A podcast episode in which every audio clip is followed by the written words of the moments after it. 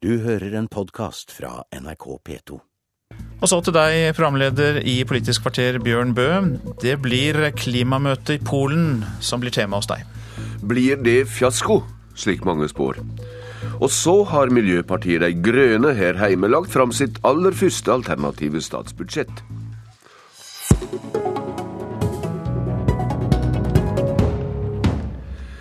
På FNs klimakonferanse i Warszawa marsjerte i går ei rad frivillige organisasjoner ut av hele greia. Under høye rop, må en si, om at de ansvarlige politikerne må gjøre mer håndfast for å nærme seg en ny internasjonal klimaavtale i 2015. Det er sterke motseiinger som bremser konferansen. I dag er det siste dag, og miljø- og klimaminister Tine Sundtoft i Warszawa, hva konkret kan du melde om at kommer ut av konferansen? Det jeg kan melde nå i dag, at det er to viktige spørsmål Hallo? som gjenstår. Det ene er på langsiktig finansiering. Hallo? Ja, Ja, jeg hører deg. velkommen. Du kan snakke, jeg hører deg nå. Det var bare et lite hull her. Når vi nå går inn i det siste døgnet, så er det to krevende spørsmål som gjenstår. Det ene er på tap og skade. Der sonderes det nå over et kompromiss som blir presentert i formiddag. Og vi får en ministerdialog på over på det temaet. Det andre er på langsiktig finansiering. Det å få bygd opp det grønne klimafondet fra 2020. Det er også en vanskelig sak. Det er også forventa at det blir en ministerdialog på det i løpet av dagen. Du har hatt til oppgave å skape tillit mellom rike og fattige land. Det er kanskje ikke så lett å være isbryter, som du er kalla? Eh, Årsaken til at Norge fikk den rollen, er at vi blir sett på som et eh, forutsigbart land. Hvor vi eh, er villige til å tenke langsiktig. Det at vi sier at vi skal fortsette vår regnskogsatsing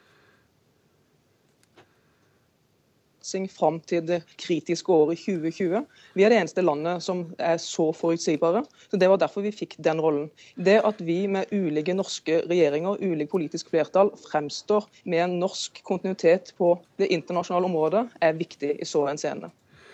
Heikki Eidsvoll Holmås, du er talsmann for SV og har vært i Warszawa, men er nå her i studio. Hva er ditt inntrykk av hvorfor det går så smått fram på FN-møtet? Jeg vil si at det er én ting som både miljøorganisasjoner og andre folk som jobber for utvikling i utviklingslandene sier, og det er at det mangler tillit til at de rike landene sine løfter er til å stole på. En av tingene som skjedde rett før klimakonferansen nå, var jo at både Australia, som etter valget dramatisk la, opp, la om klimapolitikken sin, fjerner, legger an til å fjerne det som finnes av klimaskatter. Japan, som hadde lovet en stor, stort kutt på omtrent 25% sa rett før klimakonferansen at de istedenfor kom til å gå fra de løftene og øke utslippene sine. De har vel litt problem med kraftomlegging etter atomkraftverkkatastrofer? Ja da, det har de. Og, men du har også Canada, som er i en situasjon der de, der de, ikke ønsker å være med på å følge opp det som tidligere er gitt av klimaforpliktelser. Mm. Og da er, det, da er det fryktelig vanskelig å bygge en tillit som er basert på at de rike landene faktisk kommer til å gjøre jobben som de har lovet å gjøre, med å redusere mm. sine utslipp. Det er altså snakk om tillit, sier Heikki Eidsvoll Holmås, Tine Sundtoft i Warszawa. Er det slik at det er kortsiktige økonomiske interesser rett og slett som slår ut viljen til innsats mot utslipp og klimaendringer? Det er det man kan frykte, at noen land nå pga. egne interne økonomiske utfordringer da ikke stiller opp på den måten som er forventa. Det er derfor jeg sier vår rolle i dette er at vi er forutsigbare også gjennom regjeringsskifter, er veldig viktig. Vi ser at andre land er ikke tilsvarende forutsigbare på dette, og det er en utfordring her. Derfor er vår rolle viktig, at vi også snakker med de landene som ikke er så forutsigbare som Norge er i dette spørsmålet. Sundtoft, det er et vanskelig samband til deg i Polen, men likevel. I en tale i går summerer du opp norske tiltak på heimebane f.eks. ren teknologiutvikling, grønnere samferdsel og grønne skatter. Hvor mye mer venter fattige land av de rike enn det du kom med der? Det nivået Norge bidrar med på finansiering er, er et, et, riktig nivå. Det legges merke til at vi bidrar mye. Det er, det er ikke Norge som blir angrepet på dette, her, det er de andre i landet. Derfor er jo vår rolle viktig. Vi går foran og sier at vi er et rikt land og vil også da bidra internasjonalt. Samtidig som vi skal ikke løpe fra våre nasjonale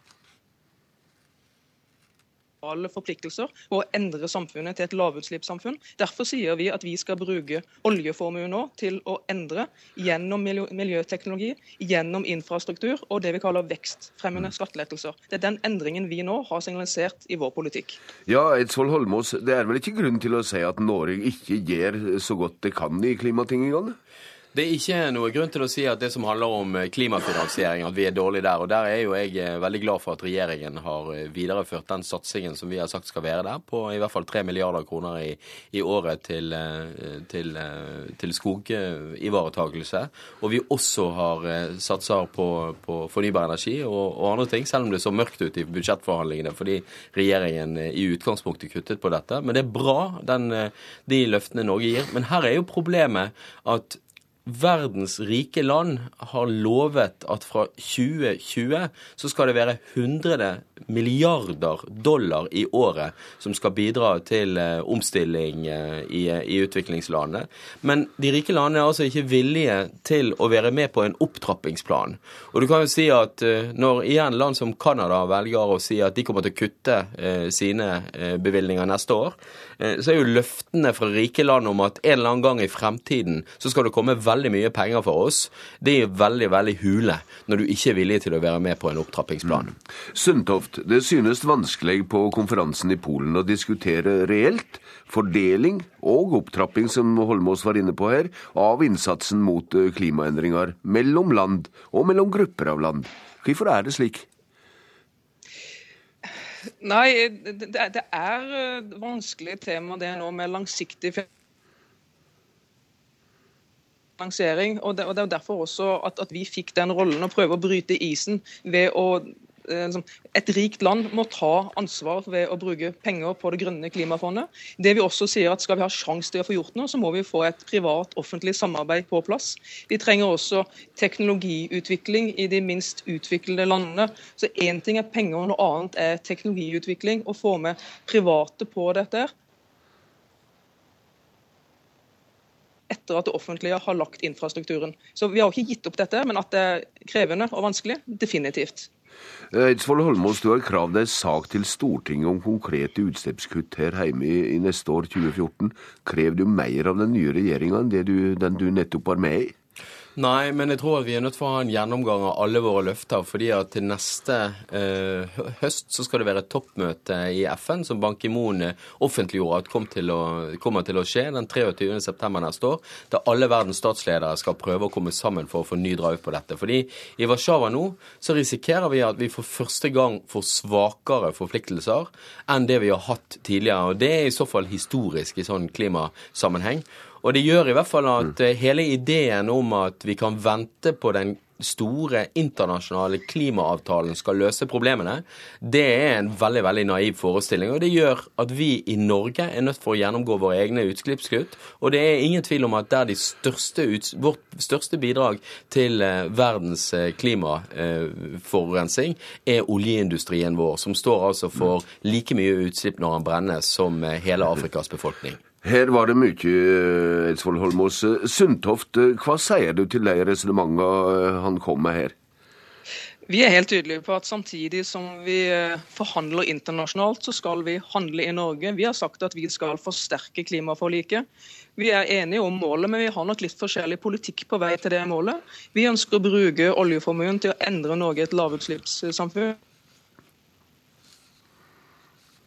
Vi har tro på å bruke markedet. Vi vil eh, samarbeide med private. Vi vil bruke skatter og avgifter for å få den endringen til. Så jeg er helt enig, Vi må også gjøre det vi må gjøre nasjonalt. Eh, det er viktig å handle også før 2020. Takk til deg eh, på et hakkete samband fra Polen, Tine Sundtoft, og lykke til med resten av konferansen, som kanskje blir avslutta i dag. Heikki Eidsvoll Holmås, du blir med videre.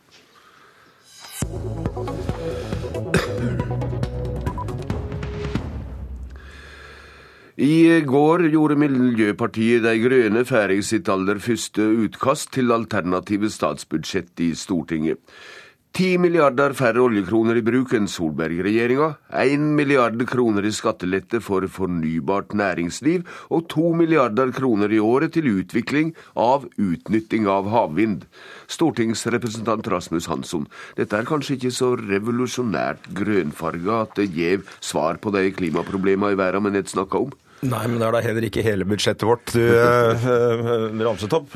Vi er ikke ute etter en revolusjon, vi er ute etter en ansvarlig overføring av det som er dagens norske oljesatsing til et samfunn som er bærekraftig, og som er et velsamferdssamfunn som ikke ødelegger livet for de som kommer etter oss og de som bor rundt oss. Og det gjør vi i vårt alternative statsbudsjett ved å eh, starte en eh, storskala, mye, mye større enn noen andre partier eh, tør å ta fatt i, overføring av verdier fra oljevirksomheten og til flere deler av det som skal utvikles til et nytt, til et nytt norsk levebrød, for å si det enkelt. Dessuten så satser vi betydelig internasjonalt på akkurat de eh, spørsmålene, de tillitsbyggende eh, investeringene mm. gjennom FN og klimasamarbeid, som Sundtoft eh, nettopp snakket om. Partiprogrammet deres varsler en helt ny tenkemåte om hvor den begynner med tenkinga omkring økonomi og miljø. Men dette de legger fram her, kan synes å være flikking innenfor de hovedsatsingene regjeringa sjøl driver med? Eh, det er aldeles ikke flikking. Det er et budsjett som skiller seg soleklart fra alle andre budsjett som har vært lagt frem, i den forstand at vi faktisk begynner overføringen av verdier fra uh, den norske eh, oljevirksomheten mm. til det vi skal leve av i framtida. Det snakker f.eks. Uh, Tine Sundtofts blå regjering om å gjøre, men de gjør det i mikroskopisk grad.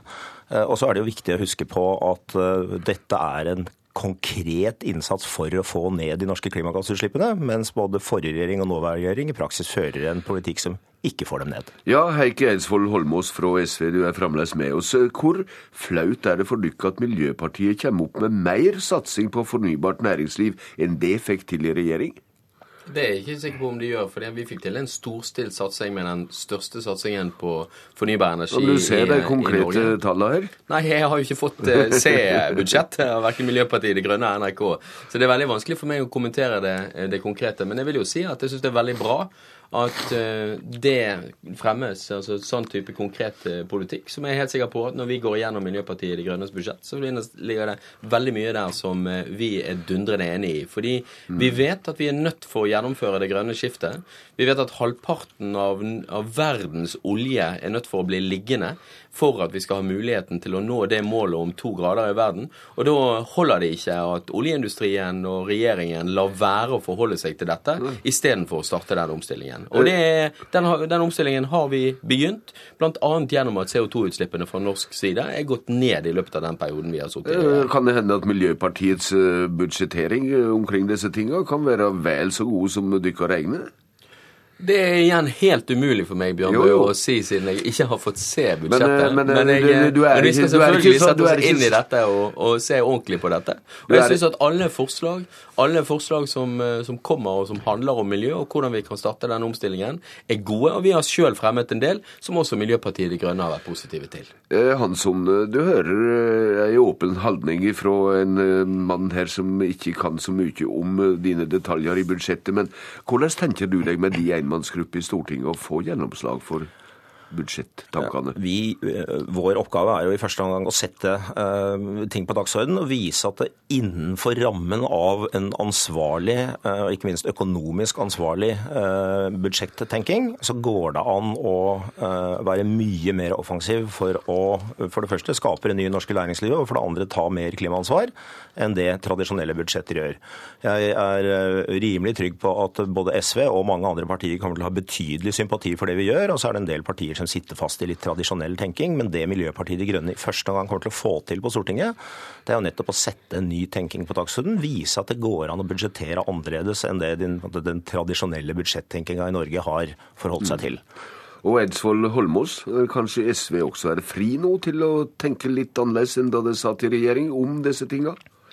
Jeg mener at vi har vært gode til å klare å dra eh, lasset i riktig retning. Vi ser det både i det som er hovedtrumfkortet til, eh, til høyreregjeringen nå, når de er i, i klimaforhandlingene. Det er nettopp den regnskogsatsingen som vi fikk til å trappe opp i løpet av de årene som, som har vært. Men det er ingen tvil om at vi trenger en drastisk omlegging i mer miljøvennlig retning, der vi hjelper folk å velge de miljøvennlige alternativene. Satser på kollektiv, satser på eh, miljøvennlige biler. Satser på at eh, folk skal kunne alle sammen være med på å ta den klimadugnaden som vi vet er nødvendig. Nå får vi se hva gjennomslag det har i Miljøpartiet og i SV når budsjettpolitikken blir utforma de næreste åra. Politisk kvarter er slutt. Jeg heter Bjørn Bø. Du har hørt en podkast fra NRK P2.